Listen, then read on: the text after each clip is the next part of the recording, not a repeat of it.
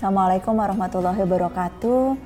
Terima kasih masih uh, bersungguh-sungguh belajar bersama saya kepada uh, Abi Quraisy Shihab di Hidup Bersama Al-Quran, edisi khusus dari Tafsir Al-Misbah, dan masih melanjutkan pembahasan kita tentang ayat-ayat awal dari surah An-Najm. Di episode uh, sebelumnya, Bi, kita bicara tentang proses turunnya wahyu bagaimana uh, peran malaikat Jibril yang luar biasa. Boleh dilanjutkan Abi dari Baik, situ? kita lanjutkan. Jadi eh, ini Alamahu Syadidul Quwatu Miratin Fastawa itu menggambarkan sosok malaikat Jibril. Oke, kita akan lanjutkan lagi nanti. Wa huwa bil ufuqil a'la ketika itu Jibril berada di ufuk yang maha tinggi. Kita tidak tahu apa ini ufuk yang maha tinggi. Suatu tempat yang maha tinggi jelas tidak di bumi. Ya toh? Oh, lalu summadana fatadalla. Kemudian dia mendekat sampai tadalla. Abi mau terangkan eh, eh, eh, begini. Kita biasa lihat pohon. Mm. Ada buahnya. Yeah. Buahnya sudah matang, berat, maka dia turun, turun. sehingga mudah dipetik. Ah, itu tadalla. Okay. Dia mendekat sampai begitu dekat bagaikan dekatnya ini dilanjutkan karena qaba qausaini au adna bagaikan sejarak dua busur panah atau lebih dekat. Jadi dia turun sudah sangat dekat. ulama-ulama menggambarkan begini. Ketika dia turun itu ada yang berkata eh, Jibril mengembangkan kedua sayapnya. Dalam riwayat dia punya 500 sayap terkembang dua sayapnya, dia mendekat kepada Nabi Muhammad. Nah, ada lagi yang memberi ilustrasi begini. Jibril turun dari makam malaikat yang begitu tinggi. tinggi. Nabi Muhammad dari makam manusia naik sehingga bertemu di tengah. Thumma dana fatadalla fakana qaba qausaini hampir sejarak dua busur bahkan lebih dekat dari itu. Apa yang ingin dikatakan di sini? Ini kan gambaran gambaran eh, fisik seakan-akan. Betul. Yang ingin dikatakan ini tidak mungkin salah. Betul-betul wahyu dari Allah. Nah, iya, yang menyampaikannya begitu kuat. Betul. Yang menyampaikannya begitu jujur, yang menyampaikannya begitu ikhlas. Nah, baru dia tidak sampaikan dari tempat yang jauh. Dia turun menyampaikannya. Jadi tidak ada keraguan untuk salah, ya kan? Ya. Maka Berat nggak ya Bi itu? Hah? Untuk Nabi itu gimana Bi? Nah itu kita, itu yang kita kita kita tidak bisa. Nanti di sini ada di, digambarkan bahwa kita tidak bisa mengetahui. Kita tidak bisa mengetahui. Nah, ayat ini hanya ingin berkata bahwa dia memang dapat wahyu. Itu lanjutannya. Fa'auha ila abdihi ma'auha. Maka begitu dekat ini tadi malaikat Jibril itu mewahyukan kepada hambanya yakni hamba Allah ini apa yang diwahyukannya. Ini kisah atau ini uraian menyangkut wahyu-wahyu ini. Atau belum berbicara tentang Isra Mi'raj di sini. Betul. Nah, fa'auha ila abdihi ma'auha bisa jadi juga Allah mewahyukan kepada hambanya apa yang diwahyukan apa uh, baru dikatakan maka dabal fuadu ma Nah, kita lihat hati tidak mendustakan apa yang dia lihat. Di episode yang lalu Afif bilang, mata saya melihat tapi hati saya tidak, tidak bisa percaya. percaya. Ini Nabi Muhammad melihat ini ada sesuatu yang sangat indah, ada sesuatu yang sangat aneh. Bisa jadi hatinya berkata, oh ini tidak benar, ini saya ilusi, ini saya ini. Saya mimpi atau Itu apa? mimpi ya. Maka dabal fuadu mara'a. Abi mau terangkan apa arti fuad di Al-Quran ada kata kalbu, ada kata fuad. Kalbu itu hati yang menampung aneka eh, eh, pengetahuan, aneka khayalan, kalbu yang bisa dituntut tanggung jawabnya, bisa juga tidak. Kita ambil satu contoh. Eh, saya hati saya berkeinginan melakukan suatu kejahatan. Ya kan? Hati ini. saya belum dituntut kalau saya belum melangkah. Itu kalbu, berisi. Tapi kalau fuad itu yang dituntut. Okay. Jadi eh, ini ingin menggambarkan seakan-akan eh, eh, kalbu itu wadah, di tengah wadah itu ada fuad. Itu sebabnya eh, eh, Al-Quran melukiskan begini. Eh, intajhar bil qaul fa innahu ya'lamu sirra wa akhwa.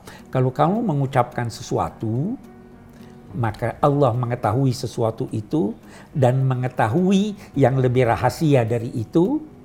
Ya toh? Nah, sekarang begini. Sadar, kita tahu, ada di bawah sadar. Ada. Dan di bawah sadar terkadang kita sudah tidak tahu. Betul. Sadar boleh jadi kita rahasiakan. Yang eh, boleh jadi kita mau orang tahu. Di bawahnya apa? Kita rahasiakan. Kita tahu, tapi kita tidak mau orang tahu. Ada enggak yang lebih dari itu? Ada yang yang kita pun tidak tahu. Kita pun tidak tahu, kita pun tidak tahu. Ah, fuad itu, eh begitu itu maksudnya. Jadi hatinya, hati kecilnya tidak mendustakan itu. Jadi dia yakin betul tentang wahyu itu. Itu sebabnya tadi kita katakan wahyu adalah informasi dari Allah yang diyakini benar bahwa itu bersumber dari Allah.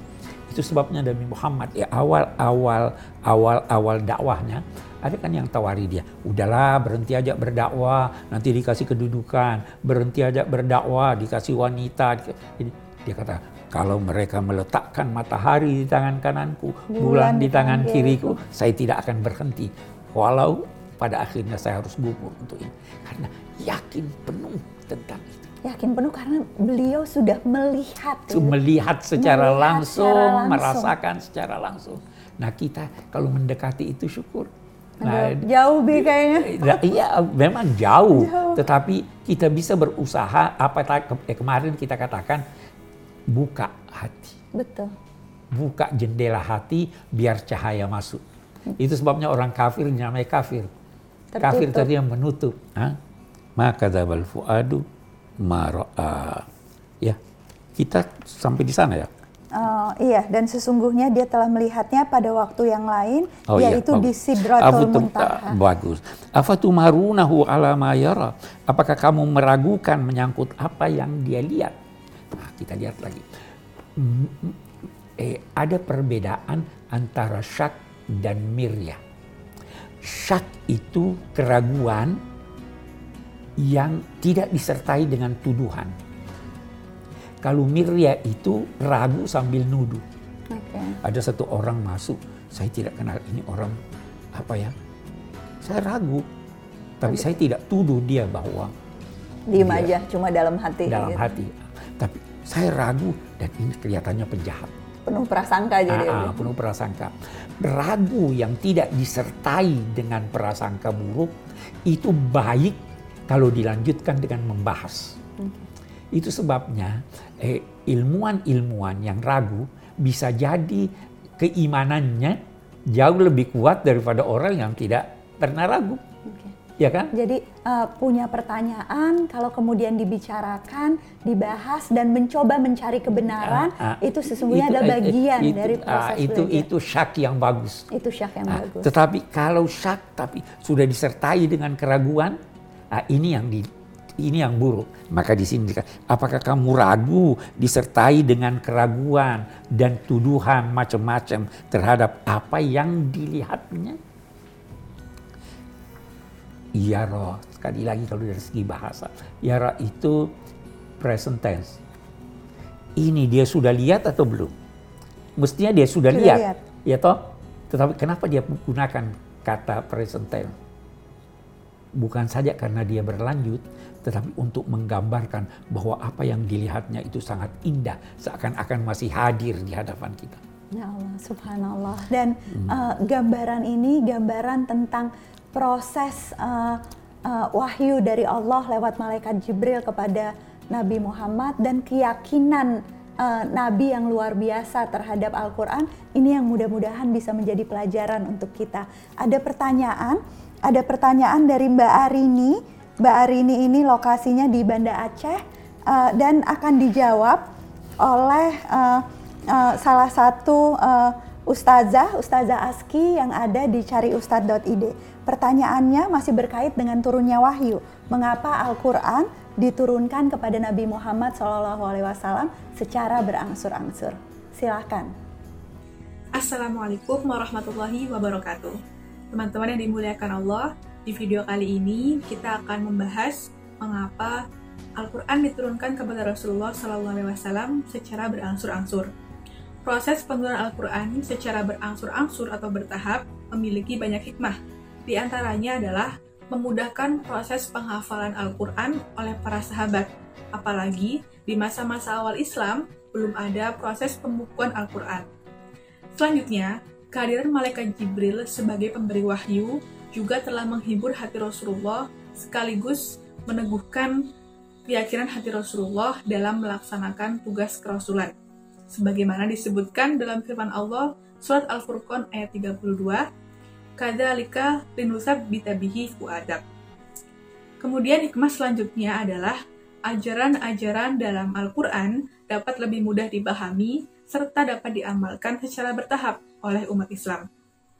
Selain itu, penurunan Al-Quran yang disesuaikan dengan peristiwa yang muncul juga dapat membekas di masyarakat serta membuat Al-Quran E, berinteraksi secara langsung dalam kehidupan masyarakat. Demikian video kali ini, semoga bermanfaat. Wassalamualaikum warahmatullahi wabarakatuh. Terima kasih sudah menyaksikan.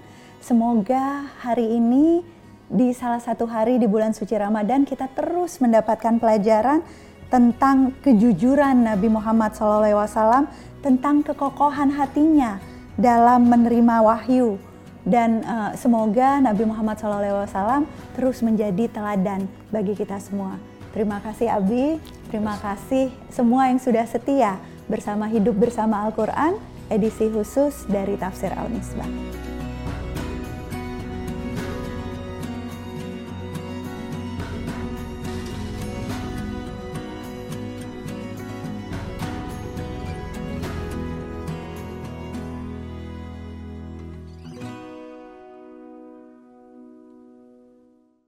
Jariustad.id adalah sebuah platform yang membantu menghubungkan umat dengan jaringan ustadz dan ustazah yang ramah dan kompeten di seluruh Indonesia.